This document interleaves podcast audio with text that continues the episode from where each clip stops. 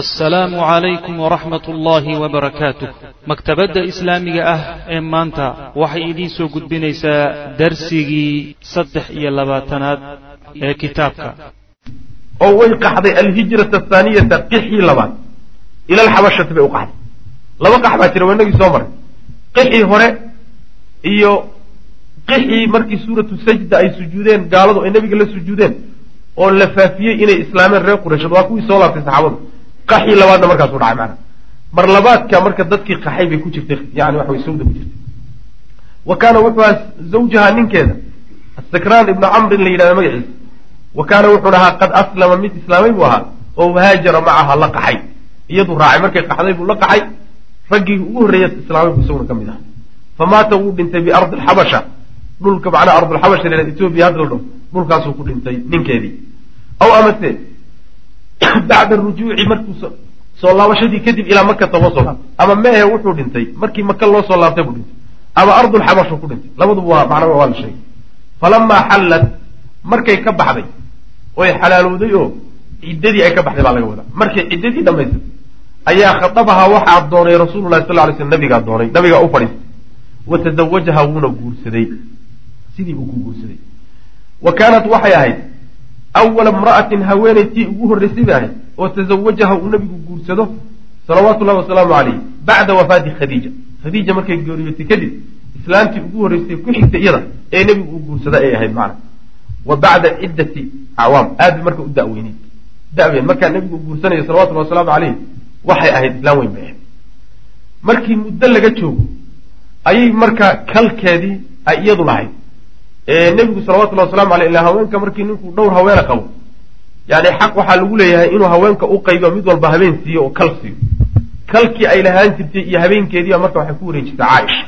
Xoogaa waxay ka yara shakiday inuu nebigu furo salawatullahi wasalaamu caleyh furin noocaasoo kale ka shakiday ka markaasay tiri nebig ilahi hay furin ee cismada iidaa wa habeenkii aad ii imaanaysayna. Haweenkaaga kuwaad taad ugu jeceshahay oo caaisha ah yaan kuugu wareejiyey. Caaishay marka kugu wareejisay maana wa bacda ciddati acwaamin dhowr sano kadib wahabad waxay u hibaysay nawbatahaa kalkeediibay waxay u hibaysay licaaishata ayay u hibaysay caaisha siisay ku wareejisay. Habeenkeeda marka caaishu nabigu siin jiray salawatullahi waslamu aleyh oo macnaha uu tegi jiray. Macnaha gurigeeda uu tegi jiray. Marka riwaayo kale waxaa jirta ku soo aroortay muslimka. Saxiix muslim ku timid. Oo sheegaysa haweenaydii labaad ee nebigu uu guursado bacda khadiija ina caaisha ahay caaisha xadiidka warinaysa tanna waxaa macnaha halkan uu sheeku ku sheegayaa inay ahayd sawda inay ahayd. Riwaayadaa hore kitaabka awalkiisa markaan soo marinay waxaan nidhi haweenaydii labaad ee nebigu uu guursado waxay ahayd caaisha. Ahayd halkanna wuxuu leeyahay waa sawda. Sida raajixa waxa weeyaan sawday ahayd. Caaisha way ka dambaysay saasaa raajix. Riwaayadaa muslim ku soo aroortayna mutaabacaadku ku keenayo ibnulhiyac nin la yidhahdaa ku jira. Marka waa riwaaya laga xoog badan yahay oo riwaaya wareegii koowaad ama dowrkii koowaad ee dacwadii nebiga salawatullahi wasalaamu caleyh laba dowr waa kii sheekhu u qeybiyey dowrulmaki iyo dowrulmadani dowrulmaki ayaa markaa saddex marxalo ayuu u sii qeybiyey saddexdii marxalo teedii labaad baan ku jirnaa. Tii labaad baa hadda marka gabagaba oo uu sheekhu gabagabeynaya markuu riwaayaadkii taariikhiga ahaa iyo qisaskii soo arooray iyo kulli uu wixii siiro ku saabsanaa inoo sheegay iyuu halkan hadal uu isagu leeyahay ayuu meeshan ka sheegayaa oo uu ku gabagabeynayaa qeybta labaad ama marxalada labaad ee maraaxishii cahdu maka waxaa marka uu inoo baabeeyey cawaamil asabri waathabaat asbaabta adkaysiga iyo sugnaanshaha macnaha waxaan soo marnay miisaallo aada u fara badan tusaalayaal dhacdooyin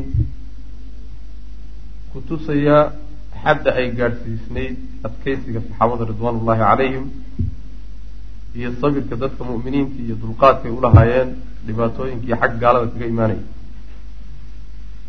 marka dulqaadka heerkaa gaadhsiisan iyo adkaysiga heerkaa gaadhsiisan waxaa isweydiin le maxaa keenay? Maxaa keenay?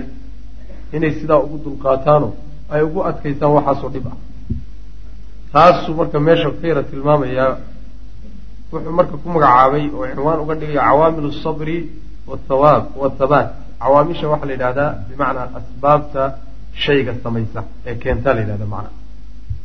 Marka asbaabtii iyo waxyaalihii keenay adkaysigii saxaabadu iyo mu'miniintu ay adkaysteen iyo sugnaanshahoodii ay diintooda ku sugnaadeen marnaba aynan ka leexanin maxaa keenay asbaabtii keentay buu meesha kaga hadlay. Wa hunaa halkan buu sheekhu yuyaqifu alxaliimu ruuxa caqliga badani uu istaagaya xayraana xaaliyo isagoo wareersan. Yani dad kuwa kala caqli badan yihiin oo kuwooda caqliga badan ayaa arrintan ku wareeri wayatasaa'alu way isweydiinayaan cuqalaa'u rijaali ragga kuwooda caqliga leh baa waxay isweydiinayaan fii maa baynahum ayaga dhexdoodaa su'aal isweydiinayo waxay tahay su'aashaasi ma hiya alasbaabu waalcawaamilu alatii balagat bilmuslimiina ila hadihi algaayati alquswa walxaddi almucjizi min athabaat su'aashaa nin walboo caqli leh ragga kuwooda caqliga leh iyo weliba kuwooda sii caqliga badan ayaa meeshan taata intay istaagaan bay su'aal isweydiinayaan su'aashaasi waxa weeye maxay tahay asbaabta iyo arrimaha keenay? Arrimahaasoo muslimiinta balagad bilmuslimiina muslimiinta gaadhsiisay ilaa haadihi algaaya yoolka alquswa ee fog yacni yoolkaa fog iyo taargetkaa fog arrimaha iyo asbaabta gaadhsiisay maxay tahay? Iyo walxaddi almucjiz iyo xaddaasi yacni mucjisada ah oo min athabaati sugnaanshaha xaddaas mucjizo inay taha lagu tilmaami karo oo sugnaanshaha oo macnaha daaqada basharka iyo tabartiisa ka baxsan iyo yoolkaas aadka u fog asbaabtii keentay iyo arrimihii dhaliyey inay gaadhaan saxaabadu maxay tahay maadada keentay sababka keenay muxuu yahay su'aashaasay dadka caqliga leh isweydiinayaan meesha oo ah markaa aan soo marnay qisas fara badan dhacdooyin fara badan tusaalooyin fara badan oo arrimaha tilmaamaya intaa markuu ruuxa caqliga le akriyo su'aasha u soo baxaysa waxay tahay oo maxaa keenay mawaaqiftan cajabta badan? Asbaabta dhalisi maxay tahay? Miyayna bashar ahayn? Taas wey marka. Kayfa sabaruu seebay ugu sabreen buu ruux isweydiinaya? Calaa hadihi alibdihaadaati cadaadisyadaa sidee bay ugu sabreen oo ugu adkaysteen? Allatii cadaadisyadaasoo takshaciru ay la qaban dhacyoonayso lisamaacihaa maqalkeeda aljuluudu jidhku jidhadhku ay la qaban dhacyoonayaan yacni iska dhaaf ruuxay ku dhacaysay ruuxa war ahaan ay u soo gaadhayso ee maqlaya dhegaysanaya ayaa jidhkiisu jiridhacoonaya macnaha jiridhaco iyo qabandhac ayaa jidhkiisa u taagaysa macnaha oo watarjifu laha ibdihaadaadkaas iyo cadaad cadaadisyadaas waxaa macnaha la gilgilanaysa oo la jaraynaysa alaf-idatu quluubti. Qalbigii maqlana ishanan maayo macnaha markaba gariir iyo waxaa ku dhalanaya inuu jareeyo. Maxaa keenay marka sabirka intaa leeg iyo adkaysiga heerkaa gaadhsan maxaa keenay? Wa nadaran fiiro la fiiriyo. Ilaa haadaa midkaa la fiiriyo alladii midkaasoo yatakhaalaju lquluuba quluubta jiidanaya shaygaa quluubta jiidanaya ee quluubta ku imaanaya. Waa ka hadda la soo sheegay yacni qamandhacyadaas iyo dareenkaa qalbiga ku imaanaya markuu dhacdooyinkaas iyo adkaysiga heerkaa gaadhsan u akriyo taas fiiro aan fiirinayno ayaa naraa waxaan aragnaa oo nala quman buuri an nushiira inaan tilmaanno ilaa bacdi hadihi alcawaamili waalasbaab asbaabtaas iyo waxyaabahaas arrimaha keenay inaan bal wax ka tilmaanno ishaaratan tilmaan oo caabiratan dulmar ah basiidatan oo fudud. Yacni ishaare iyo tilmaan aan iska dulmarayno naan aada u dul istaagayn oo iska fudud oo aan saas aanan ugu sii fogaanaynin in aan dul marna ayaa nala quman buu yidhi. Oo aan ka jawaabno su'aasha ah maxaa gaadhsiiyey sabirka iyo adkaysiga heerkaa gaadhsiisan saxaabada maxaa gaadhsiiyey su'aashaas inaan ka jawaabno wy macnaha saasaa nala qumanaatay buli kuwii buu marka sheegayaa ilaa wuxuu sheegay dhowr sababood. Asbaabtaasi kow ka koobaadi waxa weeye keentay inay saxaabadu yani adkaysiga iyo dulqaadka iyo sugnaanshaha heerkaasi mabda-ooda ay u yeeshaan oo wixii dabayle ku dhacayay iyo mawjadihii ku imaanayay midna uusan leexinin asbaabta keentay waxaa kow ina asababa ara-iisiya sababka ugu weyn fii arrinkaa dhexdiisa awalan marka koobaad wa bidaati iyo si gooni ahaaneed. Huwa isagu waxa weeye aliimaanu billahi waxdahu. Ilahay keligoo la rumeeyo. Wey wa macrifatu garashada alla wey xaqa almacrifati garashadiisa xaqa ee garta alla garta. Yacni rumaynta ilaahay ay rumeeyeen iyo aqoonta dhabta ay u yeesheen alla subxaana wa tacaala ayaa sabab asbaabtaasi kow ka ah. Asagaana ugu muhiimsan oo ra'iisi oo madax u ah asbaabta kaloo dhan. Waxa kaloo dhan waa furuuc laakiin sababka ugu weynee adkaysigaa ku dhali ee mawaaqiftaasi ilaa mucjizada gaadhahaya gaadhsiiyey waa aliimaanu billah. Ilahay oo rumeeyeen subxana wa tacala keligii aqoonna u yeesheen faaliimaanu ljaazimu iimaanka go-an oo aan shakigu ku jirin idaa khaaladat markay dhex gasho bashaashatuhu yacni farixiisa iimaankaa farixiisa iyo iftiinkiisu markuu dhex galo alquluuba quluubta markuu dhex galo. Yazinu wuxuu la miisaan noqonayaa aljibaala buuraha ayuu la miisaan noqonaya yacni qalbigii yacni wuxuu noqonayaa wuxuu yeelanayaa wasan iyo miisaan buuraha miisaankoodo kala walaa yadiishu mana fududaanayo wax fudud oo dabayshii ku timaadaba legdi karto. Dhib yar hadduu ku yimaadaba leexin karo. Adkaysi aan lahayn ma noqonaye buur aan markaa la jiiri karin buu qalbigii noqonaya iimaan go-an oon shaki ku jirin markuu galo macna. Wa ina saaxiba hada aliimaani iimaankan ninka iskale ee qalbigiisa uu galay ee saaxiibkii ana iimaankii almuxkami ee la sugay iimaankaa sugan een shakigu ku jirin ninka uu qalbigiisu galay iyo wa hada alyaqiinu iyo yaqiintan iyo wa hada alyaqiina yaqiintan tadaata saaxibkeed aljaazima ee go-an yaqiin go-an iyo iimaankaa la sugay. Ruuxa saaxibka u ah ee la yimid yaraa wuxuu arkayaa masaacib addunyaa adduunyada dhibaatooyinkeeda mahmaa kahurat si walbay u badato oo wa kaburat ay u weynaato oo wa tafaaqamad ay macnaha waxa weeye u weynaato tafaaqum macnaha weynaansho wey oo washtadad ay u darraato. Siday dooniba ha u darraato ha weynaato intay doona ha la ekaatee yaraaha wuu arkayaa dhibaatooyinka adduunyada fii janbi iimaanihi. Iimaankiisa markuu garab dhigo wuxuu u arkayaa. Dhaxaaliba ayuu u arkayaa. Xayaabooyin xayaabo ayuu u arkaya macnaha xayaabadaasoo caa'imatan dhaxaaliba ayuu arkayaa caa'imatan oo macnaha waxa weeyaan dul sabaynaysa. Fawqa saylin daad dushii daadkaasoo jaarifin oo macnaha waxa weeyaan wax halaagay. Daad macnaha wax halaagahayo wax alla wuxuu ku yimaada qaadaya xayaabo dul saaran. Ayuu u arkayaa wax alla waxaa dhibka adduunyada ku imaanayo. Daxaalib waa jamcu daxlab waay. Daxlabka waxaa la yidhahdaa markii xareedu da-do yacni muddo ay taalo waxbaa dul fuula oo biyaha qariya. Waxyaalahaas dul fuule ee biyaha qariye ee sida labeenta caanaha oo kale ah ayaa macnaa waxa wey la yidhahda yani xayaaba la yidhahda marka wuxuu leeyahay iimaankaa sugan iyo yaqiintaa go-an ruuxu markuu la yimaado qalbigiisa ay gasho oo mabda'a uu halkaa ka gaadho rumayntiisa dhibaatooyinka adduunyada ee ku imaanahayo iyo cadaadisyada lagu keenahayo iyo ciqaabta lagu samaynayo kulligeed si walbay u weynaato intay dooniyoo la ekaato say dooniyoo u daraato wuxuu u arkayaa markuu iimaankiisa garab dhigo sidii xayaabo biyo dul fuushan oo kaleeto waxba maaha macnaha jawhartii iyo xaqiiqadii waa biyihii xayaabadaa koreete ee marka biyaha dul saareen wax weynba ahayn ayuu u arkayaa macna. Saasay ula muuqanaysa. Oo daad socda oo xoog badan xayaabadaasoo fuushay. Macnaha berri baa lagaga tegi doonaayo. Biyihii baa dhaafi doono oo meeshana xayaabadu ku hadhi doontaa wey macna. Ayib jaa wuu jaa yani daadkaasoo yimid liyaksira si uu u jabiya assuduuda biyo xidhyada almaniicata ee xoogga badan biyo xidhka xoogga badan daad inuu jabiyo u yimid.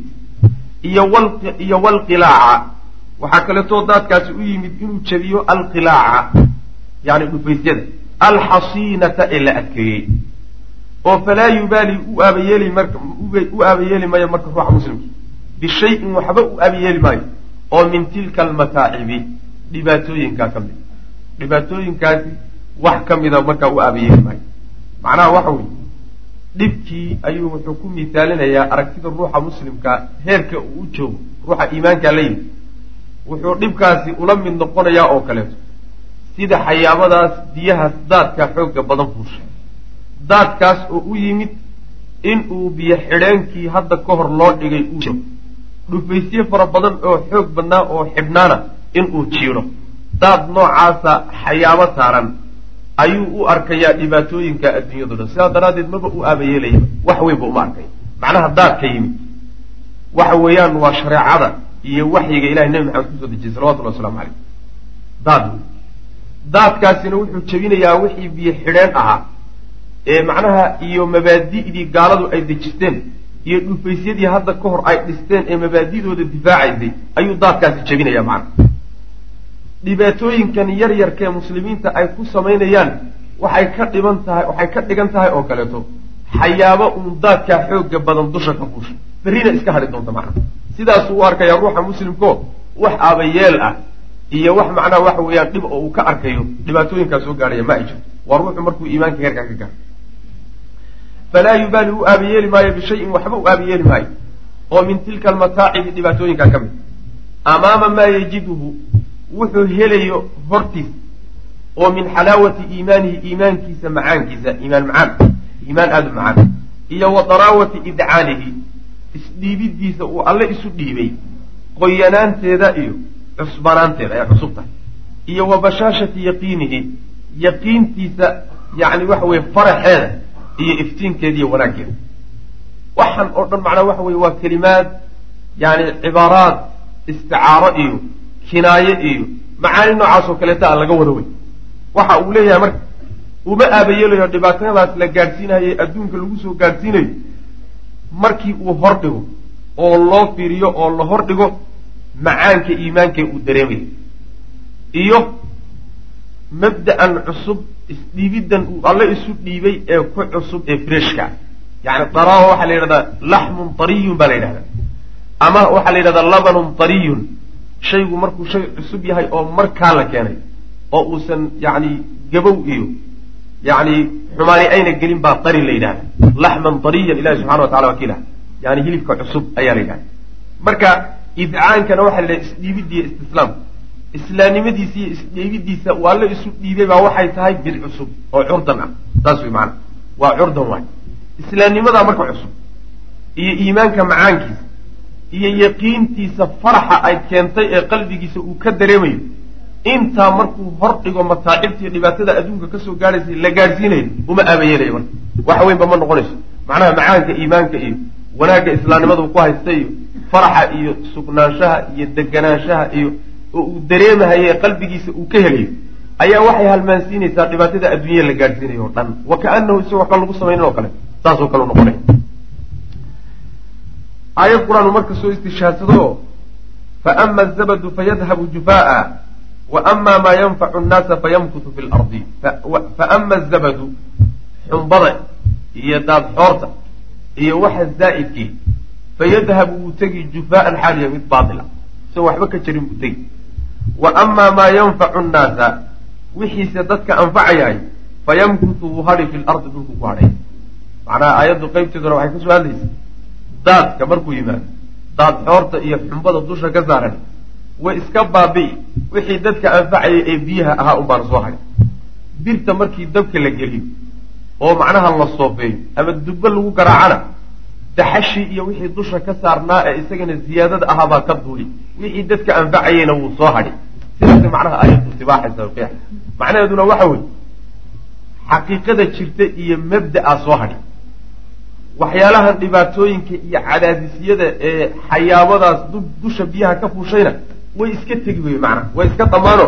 Wax daa'imaysa ma aha. Kalsoonidaasu marka ruuxa muslimkii ama mu'minkii uu ku qaabilaya dhibaatooyinka adduunka ka imaanaya. Marka sabab waa midkaa waana sababka ugu muhiimsan waay. Sababka ugu weyni waxa weeye oo ka keenay muslimiinta adkaysiga iyo raganimadaas iyo dulqaadka heerkaa gaadhsiisan inay mabaadidooda u yeeshaan waxa weye aliimaanu billah yaqiinta meeshay ka gaadheen iyo kalsoonida rabbi subxaana wa tacala ay ku kalsoon yihiin iyo tawakulka waay. Wayatabara'u min hada sababi sababkaa waxaa ka farcamaya alwaxiidi ee keligii ah.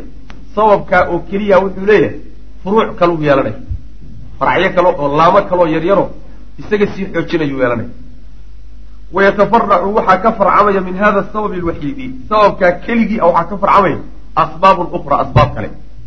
Oo tuqawi xoojinaysa hada thabaata sugnaanshaha xoojinaysa waalmusaabarata iyo sabirtanka.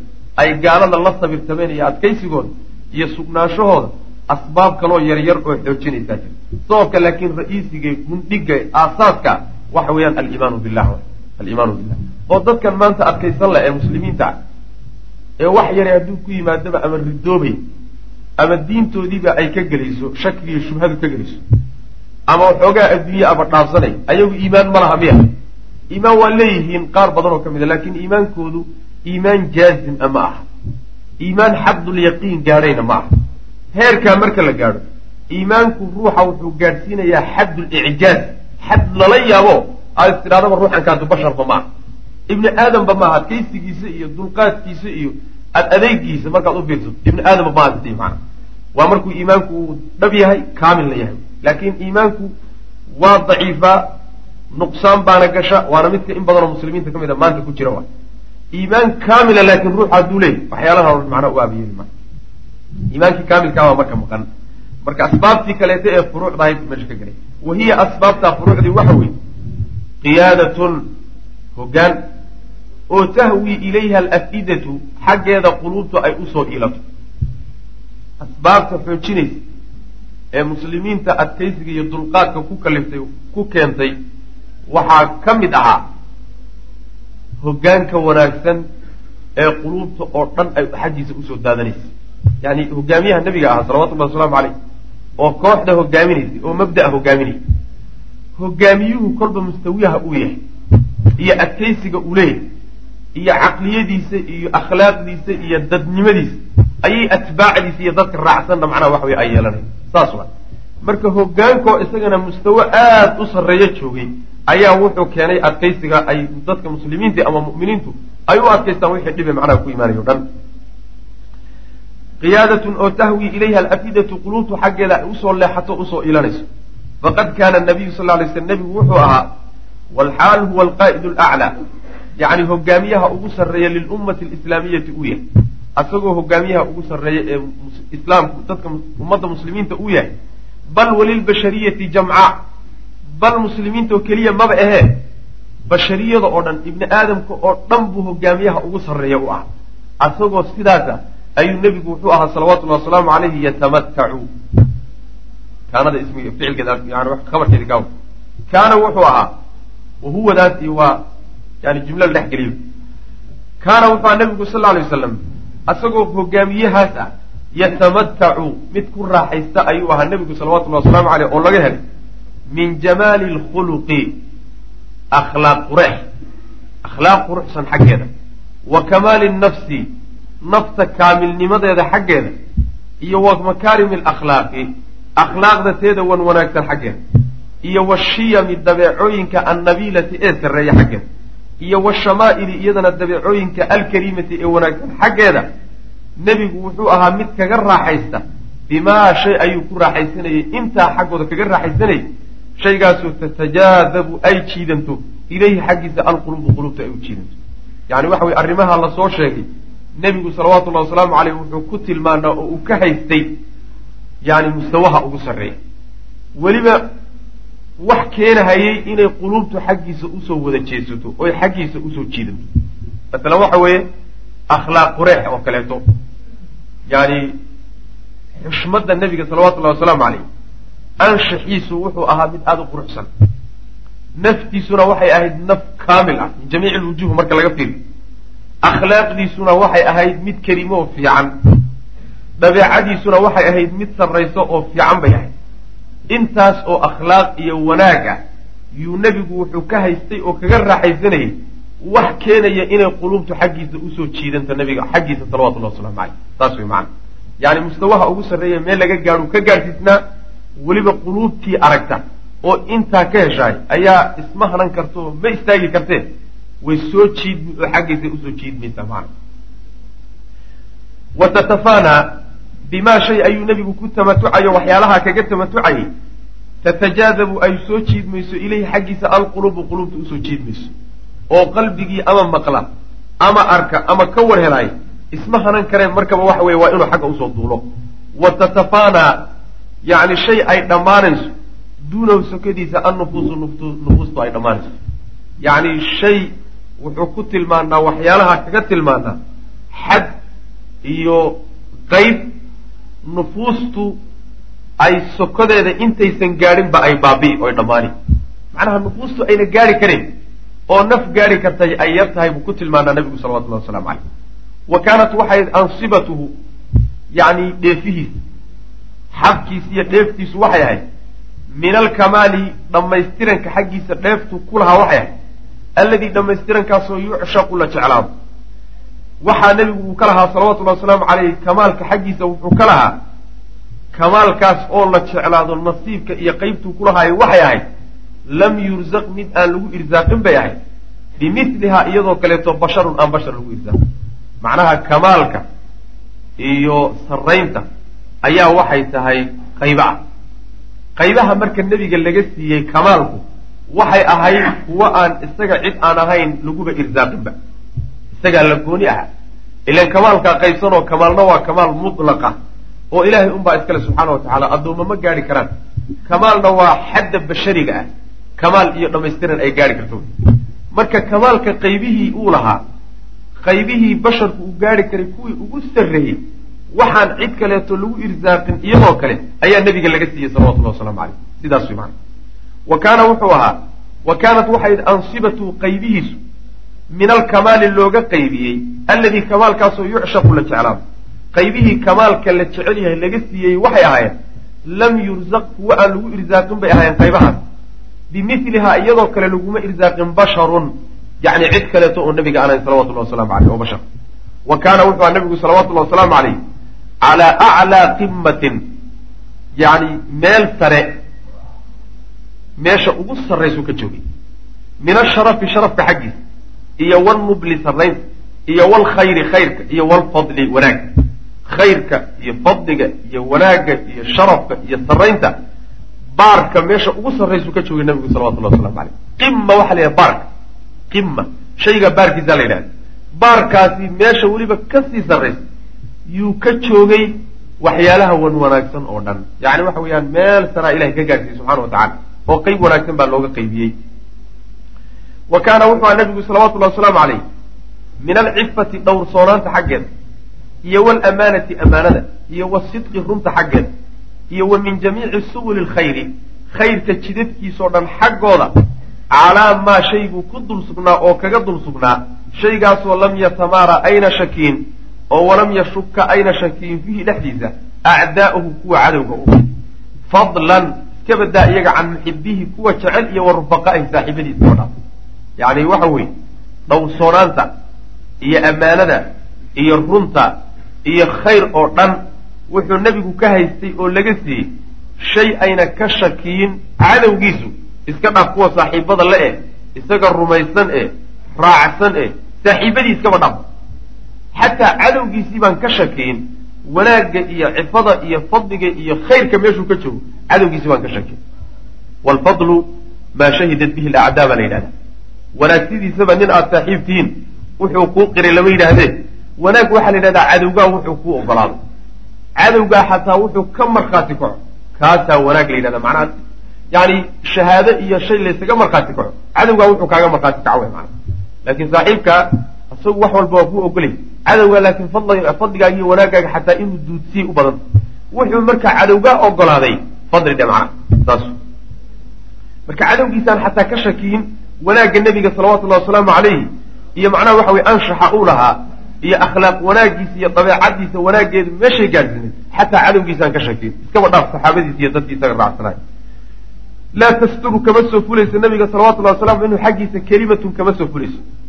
Ilaa wayastayqinuuna waxay hubaan sidqaha runteeday hubaan. Hadday kelimaba ka soo fusho inay run tahay bay hubeen. Gaaladu sidaas wey macana oo marnaba inuu been xaggiisa ka soo fulaysa maysan macnaha ku tashanaynin. Saas. Marka tilmaamahaas iyo akhlaaqiyaadkaas nebigoo lahaa salawatullahi wasalaamu calayh ayaa hogaamiye u ahaa. hogaamiye mar hadduu u noqday ninka akhlaaqdaa leh. gaarsiisan khayr oo dhan ka gaarsiisan. ninka uu hogaamiye u yahay yacni waxay ku dhiirigelinaysaa inuu adkaysi u yeesho wax walba oo mabda'a ninkaasi ku hogaaminaya ku soo gaadha hogaamiyuhu hadduu daciif yahay oo mid shaksiyad aan lahayn uu yahay oo muhalhal yahay oo ruux aan macnaha waxa weye go'aan qaadan karin uu yahay oo ruux akhlaaq xun uu yahay. Dadka raacsan oo kaasi hogaamiye u yahay adkaysi fara badan uma laha mabda'a uu kaasi ku hogaaminaya laakiin ninku markuu mustawa sare gaadhsan yahay hogaankiisuna fiican yahay akhlaaqdiisuna saa u dhamaystiran tahay waxay ku dhiirigelinaysaa atbaacdiisa inay mabda'a noocaasoo kaleeta adkaysi u yeeshaan macna taasina waxay ahayd arrimihii ka qayb qaatay inay saxaabadu ridwaanullahi calayhim iyo dadka mu'miniintii adkaysi u yeeshaan iyo sugnaansho dhibaatooyinkii ku imaanayay ee gaalada xaggeeda kaga imaanaya. Hadda marka meesha wuxuu ka gudagelaya yacni gaaladu ayaa ka markhaati kacday nebiga salawatullahi wasalaamu calayhi iyo yani anshax wanaagiisi iyo dabeeca wanaagiisi akhlaaq wanaagiisa soo muusan miisaaluu soo qaadaya marka. Misaallo dhowr oo qaar badan soo marnay oo gaaladu xataa nebiga uga markhaati kaceen salawatullahi wasalaamu calayhi akhlaaqdaa wanaagsan iyo dhaqankaa wanaagsan u soo qaaday. Ijtamaca waxaa kulmay buu yihi halaathatu nafarin saddex ruux oo min qurayshin ka mid saddex oday oo quraysh ka mid a ayaa kulmay. Kaana wuxuu ahaa qad istamaca mid uu dhegaystay kullu waaxidin minhum minhum mid kastoo iyaga ka midi ila alqur'aani qur'aanka ayuu dhegaystay siran si qarsoon can saaxiibeyhi labadiis saaxiib uu ka qarsanay. Yaani saddex nin oo odayaashii reer quraysheed ka mid ayaa saddexdoodu nin walba qur'aanka dhegaystay ayagoo weliba u kala dhuumanayo ninba uu ninka kaleeta ka qarsanayo uusan kula ogaanin oo kaa ogaanin leeyahy uma markaa kadibna inkashafa waxaa caddaaday oo soo caanbaxay waxaa soo baxay siruhum sirtoodii baa soo baxay. Waxay qarinayeen dhegaysiga ahaa. Waxay u dhuumanayeen baa la ogaaday.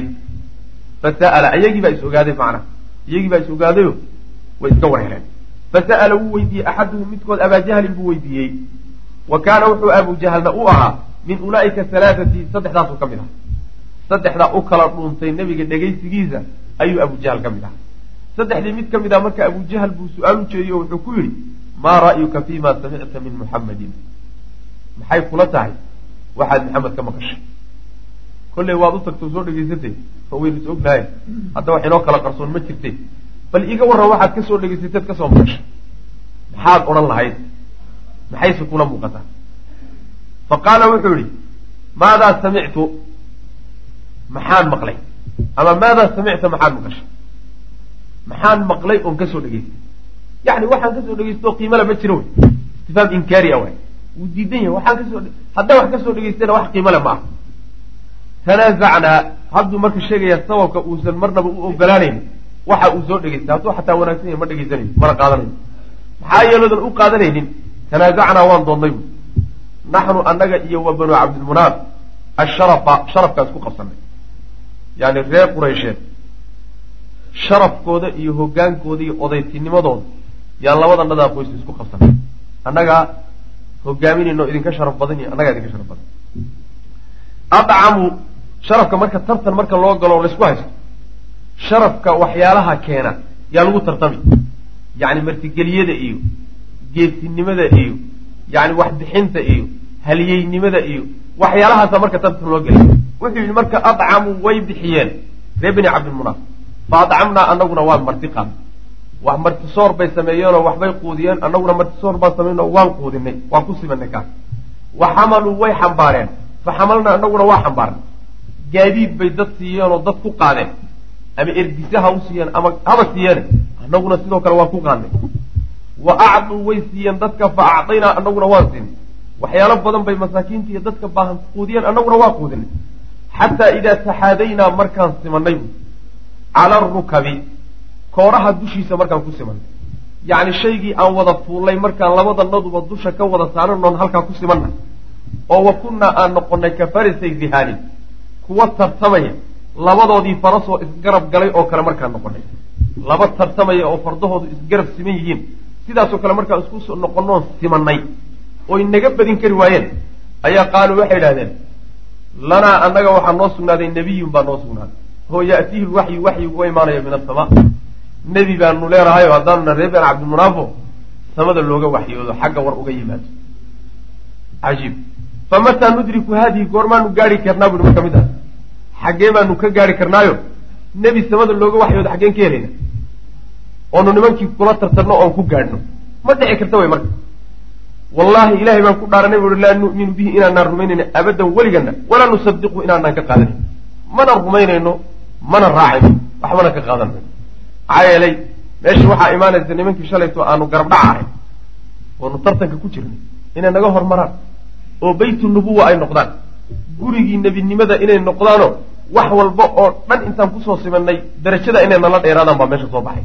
Waa haddaan ogolaano si ayna marka taasi u dhicin isagoo dhan ba diidnay saasuu yidhi.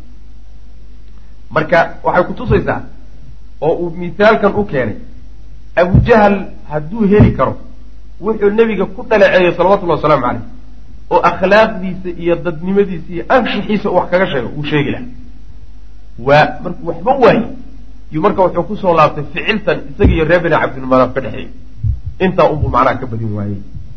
Wa kaana abu jahli wuxua yaquulu mid yidhaahda yaa muxamedu muxamedow inna anagu laa nukadibuka kuma beenin. Warka aada noo sheegayso inuu been yahay kuguma tuhmayn. Walaakin nukadibu waxaanse beeninaynaa oonaan marna ogolayn bimaa ji'ta bihi waxaad la timid. Taariikhdaada waan naqaanaa noloshaadana waanu naqaanaa. Sheekadaada iyo warkaagana waa naqaanaa. Inaad runlow tahayna waa kooga marnaba kaama beensanayo laakiin waxa aad la timid iyo mabaadidaad wadataa yaanaan marna rumaynayn macna saas faanzla allahu ilahi wuxuu soo dejiyey fainahum laa yukadibuunaka walakina alظaalimiina biaayaati illahi yajxaduun kuma beeninayaan adiga oo adiga been kuguma tuhumayaan way ku yaqaanaan. Asalkaagiiyo baarkaagaba u yaqaanaan. Laakiin dadka daalimiinta aayaadka ilahay bay u dal leeyihiin oo diidayaan saas wey wax kalooy wataan ma jirto. Shalay way ku ogolaayeen wiilkoodii baad ahay waa ku soo dhaweynaya meel wanaagsan bay kula damacsanaayeen sumcad baad dhexdooda ku lahay. Maanta wax iska kaadhame ma jire weli wiilkoodii baad ahay maxaa keenay marka in lagu diido oo lagu fongoro oo tuka cambaarle lagaa dhigo waa mabda'a cusubad la timid un soomaa kaasaa marka diidadu ku socotaaye adiga waxa lagu diidan yahay maba ahaba saasuu ilahi subxana wa tacala ku leey wakamadahu lkufaaru gaaladii ayaa nabiga salawatullahi wasalaamu caleyh ceebeeyey yowman maalin halaata maraatin saddex goor bay wax ka sheegeen faqaala wuxu uhi fi haalisati waan soo marnay markii saddexaad baa wuxuu yihi nabigu yaa macshara qurayshin quraysh isu imaadkeedaay kulanka quraysheedow ji'tukum waan idinla imid bidabxi gawrac baan idinla imid intaasaan idin guduudin wey maana qoortaan idin guduudin macnaha waxa weeye mabdigiina iyo madaxnimadiina iyo dowladnimadiina iyo kulli waa duminaya saas fa akhadatum waxaa qabatay marka tilka alkelimatu kelimadaasaa marka qabatay yacni quluubtoodii oo dhan bay intay haratay. Iyo iyagii oo dhan argagaxayeen dhataag baa ka soo haray. Xataa ina ashaddahum ilaa koodii ugu darnaa cadaawatan xagga cadaawadda yarfa'uhu uu beerlaxawsanaya nebiga biaxsani maa yajidu cindahu.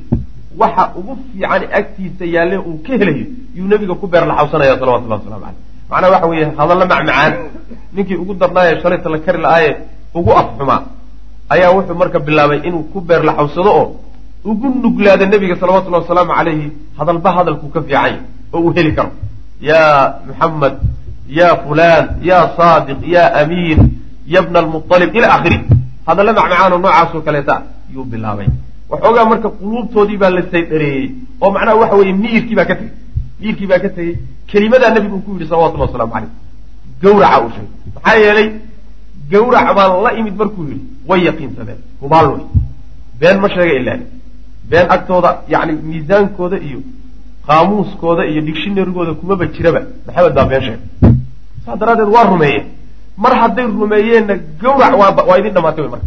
Taasaa marka waxay keentay inay argagaxaan oo indhataa ku dhaco ayib walama walamaa alqow markay tuureen calayhi nebiga dushiisa salaa jazuurin halal la gawracay jazuurin buu qorayaa kitaabka o kale dadkaas jazuurin waay salaa jazuurin halal la gawracay mandheertoodii markay ku tuureen nebiga salawatullahi wasalaamu caleyh dushiisa wa huwa saajidun isagoo sujuudsan ayuu dacaa calayhim nebigu habaaray salawatullahi waslamu caleyh waan soo marnay iyadan fadahaba canhum adixku qosolkii baa ka tegey raggii maadaysanahayey qosqoslahayey ee yani yani ku qosleeyey ee faraxu ka muuqda ayaa waxaa ka tegey qosolkii o dhan baa ka tegey markuu nebigu habaaray salawatullahi waslamu caleyh wa saawarahum waxaana ku soo booday oo ku soo kuday alhamu murug iyo walqalaqu yani caloolxumo qalaq iyo murug baa markiiba ku soo booday oo yani wax wey lagaday wa ayqanuu waxayna yaqiinsadeen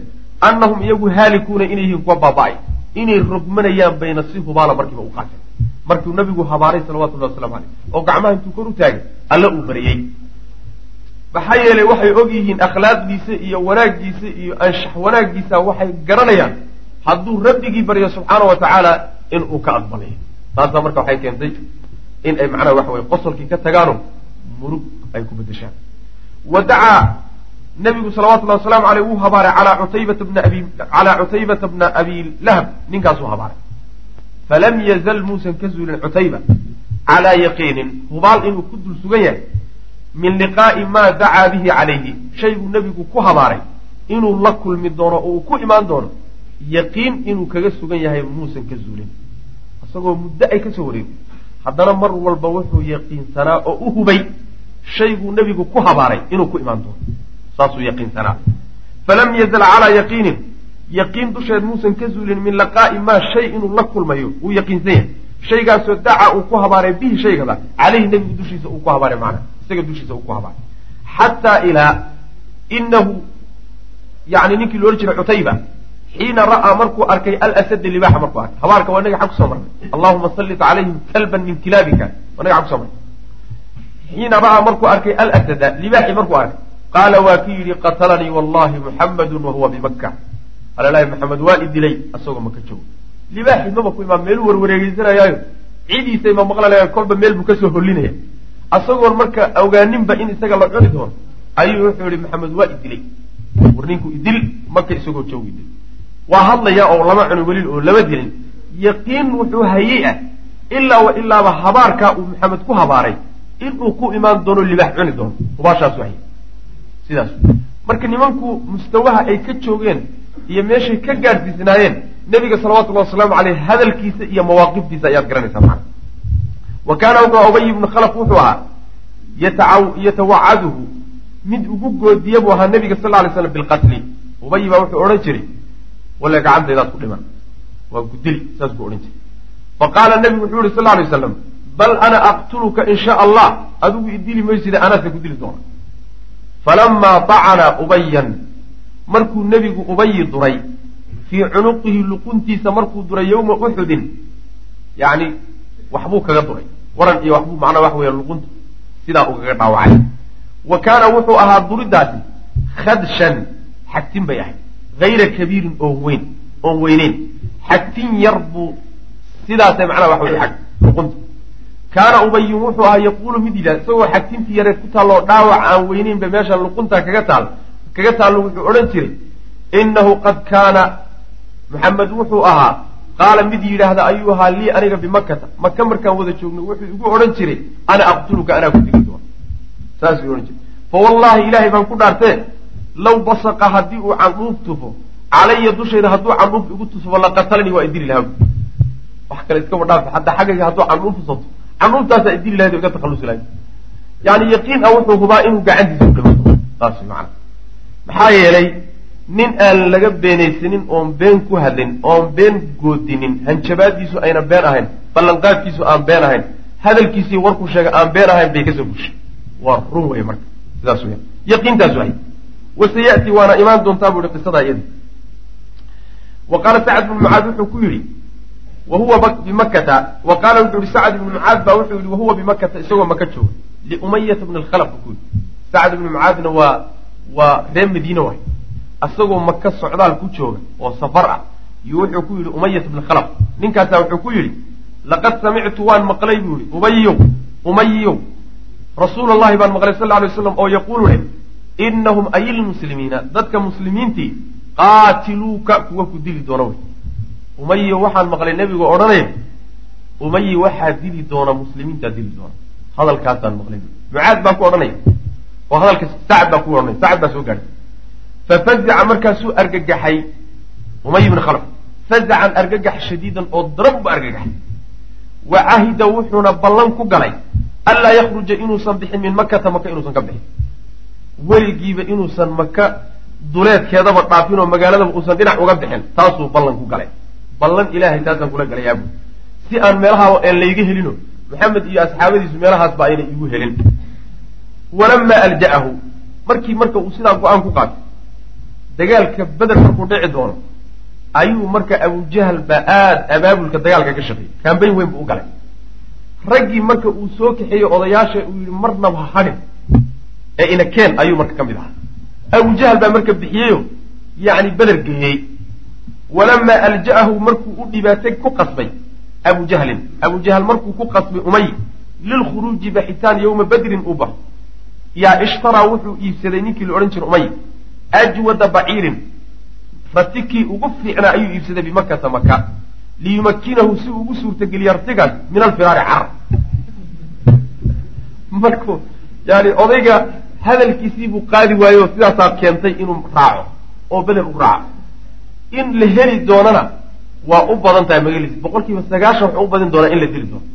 Marka wuxuu sii diyaarsaday wuxuu ka carari lahaa. Meesha markaa tagto aadu macnaha waxa weye cagaha kadib wax ka didid macna ratigu markuu ku fakan lahaa buu sii diyaarsaday. Wa qaala lahu imra'atu xaaskiisii baa waxay ku tihi markuu baxay yaa abaa safwaan.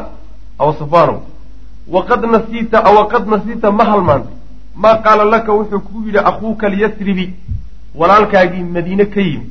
Yasrib waa madiine magacyaheeda mid ka mid a walaalkaagii madiine ka yimid waxay ka wadaa sacde warkuu kuu sheegay oo uu nimankaa kaaga sheegay muslimiinta oo inay ku dili doonaan ah ma halmaantay waadiga beder u sii socdo nimankii inaad u tagta doonahayey qaala wuxu uhi laa maya hadalaan halmaami kara maba ee wallahi ilaahay baan ku dhaartay maa uriidu ma doonayo buuri an ajuuza inaan gudbo macahum la jirankooda ilaa qariiban wax yar mooye.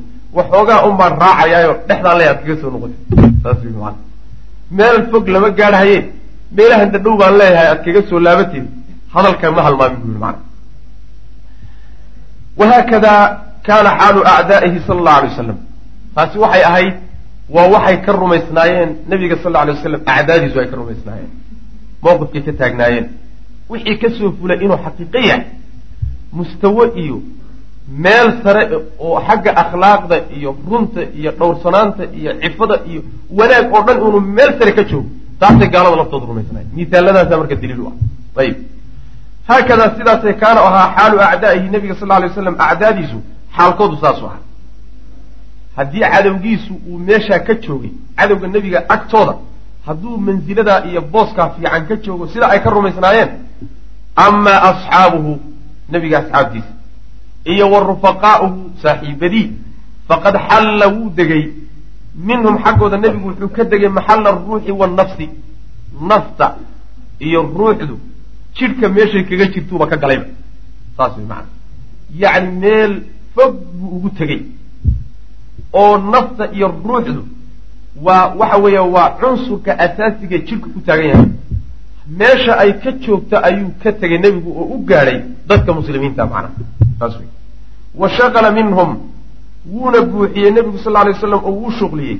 Makaana alqalbi qalbiga meeshiisii iyo walcayni ishiiba.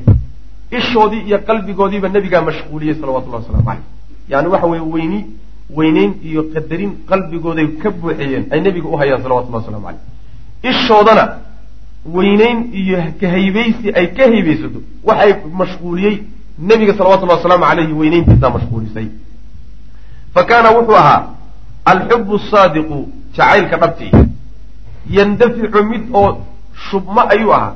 ilayhi xagga nebiga ayuu u shubmayey. indifaaca almaa'i biyuhu siday ugu shubmaan oo kaleeto ila alxuduuri meelaha daadaga ah jacayl dhab ah oo daacad oo run ah ayaa marka nebiga xaggiisa salawatullahi wasalaamu caleyhi u daadanayay oo u shumeeyey siday biyuhu meel sare intay uga soo daataan meelaha hoos hoose ee macnaha yani waxa weeyaan daadaga ay ugu daataan oo kaleeto wa kaanat innufuusu nufuustu waxay dadka muslimiinta naftoodu waxay nufuustoodu waxay ahayd tanjadibu mid jiidanta bay ahayd ilayhi xagga nebigay u jiidmaysa injidaab alxadiidi siday birtuba ugu jiidanto ila almaqnaatiis yacni magnadka siday ugu jiidanto macna.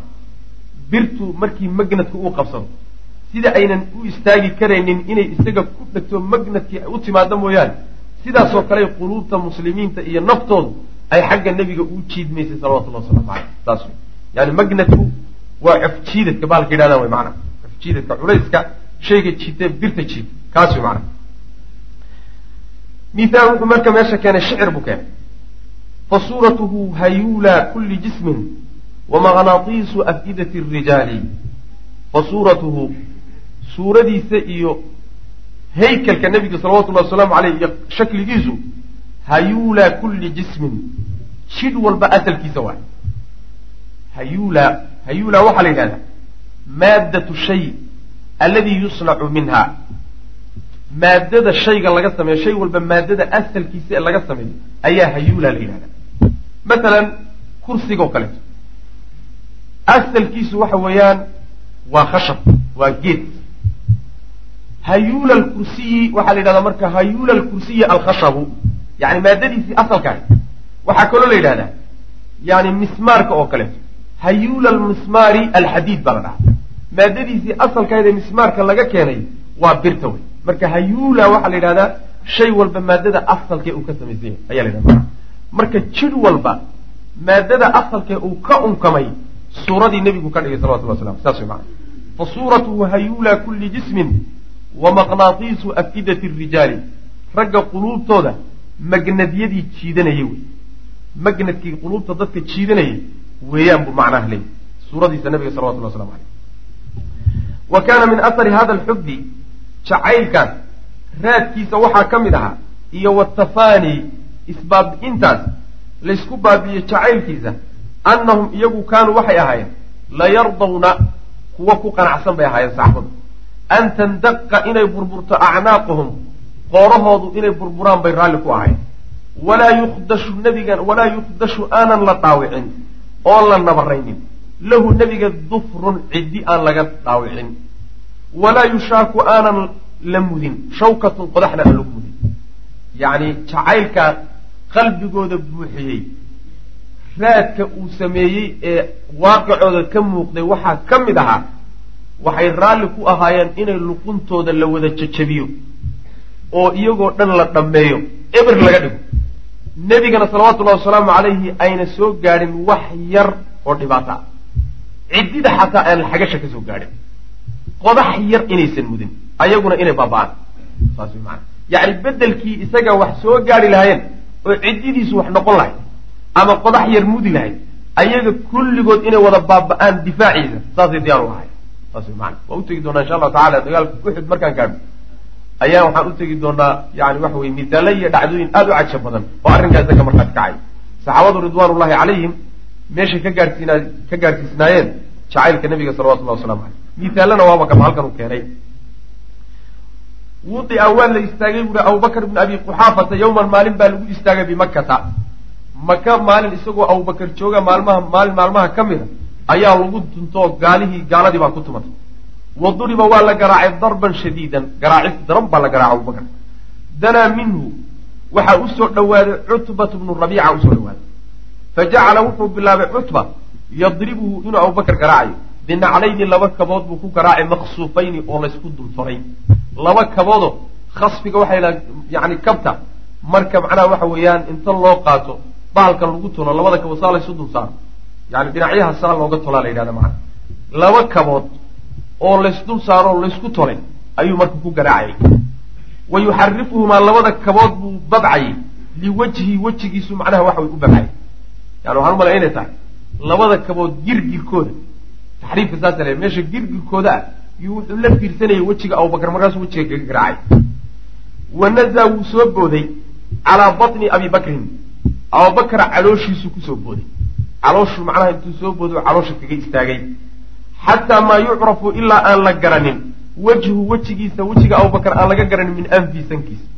yacni sankii iyo wejigii baaba la kala garan waayaba dhiigga iyo nabarka iyo waxa ku yaalla ay macnaha ay ku sameeyeen iyo bararka wa xamalat way xambaartay banu tamiim reer bani tamiim waxay xambaareen abaabakrin ayay xambaareen waa qoyskiisii fii tawbin maro dhexdii bay ku xambaareen xataa adkhaluuhu ilaa ay geliyeen manzilahu gurigiisi ilaa ay geeyeen isagoo macnaha waxa weye taqriiban yani in uu dhintay iyo in kaleta aan la kala garanayninba shibu mayd ahaan yaa meesha laga qaaday walaa yashukuuna xataa adkhaluuhu ilaa ay ka geliyeen manzilahu gurigiisa ay ka geliyeen walaa yashukuuna iyagoon ka shakiyaynin fii mawtihi geeridiisa hadduusan hadda geeriyoonin xataa kani nafi kuma jirtay leeyihi kolley kolley waa geeriyoonaya saas macnaha.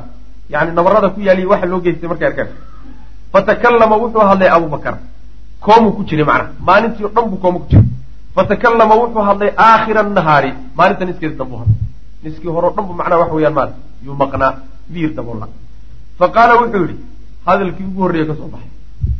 Maa facala rasuulu llahi sala allahu alayhi wasalam nabigu muxuu sameeyey bal nabigii ka warrama. Yani waxaa la jooga qoyskiisii baa la jooga. Wax saxaabo qataa lama joogaan saxaaba lama joogto. Nebigii lama joogo. Mu'min lama joogo. Muslim lama joogo. Qoysku ka dhashan baa la jooga. Saas wey markaasaas iyagii su'aal weydiinaya war nebigii muxuu sameeyey? Malaha wuxuu is leeyahay intaad miyir dabooleed oo miyirkaagu maqnaa. Yaaba nebigii la dilay. Murugtiisu halkaasi u badanta jirhkiisan dhammaaday iyo ninkan geerida qabriga qarka u saaran ee geeriduba macnaha ku dhow iyo waxa nabar ku yaalla iyo bararka ku yaalla iyo waxaasoo dhan shaqadiisa maaha arrin baa uga weyn. Nebigii salawatullahi wasalaamu caleyh see yahay famassuu bihi famassuu minhu bialsinatihim carabyadooday marka ku taabteen. Carabyadood macnaa waxa wey carabkooday wax ku gaadhsiiyeenoo afkooday wax kaga sheegeen. Wa cadaluuhu wayna canaanteenoo way dagaaleen yani adigii baaba sakaraad eh oo nafi ku haysaa oo waxaad noqon doonta aan la garanaynin maxay tahay ninkan kaleete eed sheeg sheegaysa eed macnaha waxa weeyaan? Aada ku hadaaqayso uma qaamuu markaasay istaageen. Wa qaaluu waxay ku dheheen liummii hooyadii waxay ku dheheen abubakar hooyadii. Umma ummi lkhayri ahay. Umulkhayr baa la odhan jiray. Waxay ku dheheen undurii bal fiiri an tudcimiihi inaad quudiso. Shay-an wuxuun aw tusqiihi iyaahu ama aada waraabiso. Bal wax jal ah. Inaad afka u geliso ama cunto ha noqdo ama cabitaan ha noqdee bal fiiri bay tiri iyo ku dheheen macna saasay kula dardaar markaasi ka tageen macnaha waxa weeye bal inuu wax qaadan karo jal qaadan karo oo xataa lagu qulaamin karayo hadduusan qaadan karin bal ku fiiri saas ku dhehen dardaarankaasi kaga tageen falamaa khallat bihi markay la gooni noqotay oy ka kala tageen oo iyadii ku socday ayay alaxad calayhi way macnaha waxa weeyaan ku celcelisay alaxad calayhi yani aad bay ugu celcelisay wa jacala wuxuuna isaguna gudagalay yaquulu inuu yidhaahdo maa facala rasuulu llahi sala allahu alayhi wasalam war nebigii muxuu sameeyey? War bal nebigii war iga siiya saasuu leeyay cuntadan iyo cabitaankan iyo jalkan iyo waxaan o dhan umama dhadhamayo naftiisa iska dhaafay waxaan kadaata war nafta ku qaba laleeyahy wax u dhadhamaya maba aha. Fa qaalat waxay tidhi hooyadii markuu hadalkii ka badiyey wallaahi ilahay baan ku dhaartay laa cilma lii bisaaxibika saaxiibkaa wax war anugu kama hayo maxaad ii weydiinaysaa macnaa nabigay ku wadaa salawatullahi waslamu caleyh saaxiibkaa wax wara kuma hayo kama hayo fa qaala wuxuu ku yidhi idhabii tag ilaa ummi jamiil binti alkhadaab gabadha magacaa le aad hooyadii bu ku leeyay fas'aliiha waxaad weydiisaa canhu nebigii soo waso kac intaad u tagta gabadhaas bal waxaad iisoo weydiisaa nebiga arrinkiisu wuxuu ku dambeeyey salawatullahi wasalaamu calayh fakharajat way baxday xataa jaa-at ilaa ay u tagtay waa ku qasbanta wiilkeedii baa meesha sakaraad aho cunto iyo cabitaanba diiday ilaa uu nebiga war ka helo salawatullahi wasalaamu calayh. Way soo tagtay marka gabadhii u aad yidhi bay soo aaday fakharajat way soo baxday xataa jaa-at umma jamiilin ilaa ay ummu jamiil u timi faqaalat waxay tihi ina abaa bakrin. Abubakr yasaluka yas'alukii wuxuu ku weydiinayaa ummu jamiiley can muxamed ibni cabdillaah. Maxamedkii ina cabdillaahi ahaa yuu wax kaa warsanaya wax war ma ka haysa qaalat waxay tihi maa acrifu abaa bakrin walaa muxamed ibni cabdillaah abubakr iyo maxamed ibni cabdillahi sheegaysa maba aqaana bu jir hadaaban kaa maqlaya maba aqaana yani waxaa la joogaa wakti lais inkiro wakti lais inkiro oo ninba ninka la yidhahdo isma naqaano waktigaasaa la jooga haddiiba lagu garta iyada lafteeda inay xidhiir la leedahay abubakar iyo nebiga salawatullahi wasalaamu caleyh qiyaamaheedaa kici meeshaasaa iyada lafteeda macnaha loogu gacan qaaday marka inay inkirto wey naa maxamedkaas sheegaysa iyo abubakarkaas sheegayso maba aqaana kacila dhaafay walaalayaal darsigaani halkaas ayuu ku eg yahay. Allah tabaaraka wa tacaala waxaan ka baryaynaa inuu nagu anfaco. Assalaamu calaykum waraxmat ullaahi wbarakaatu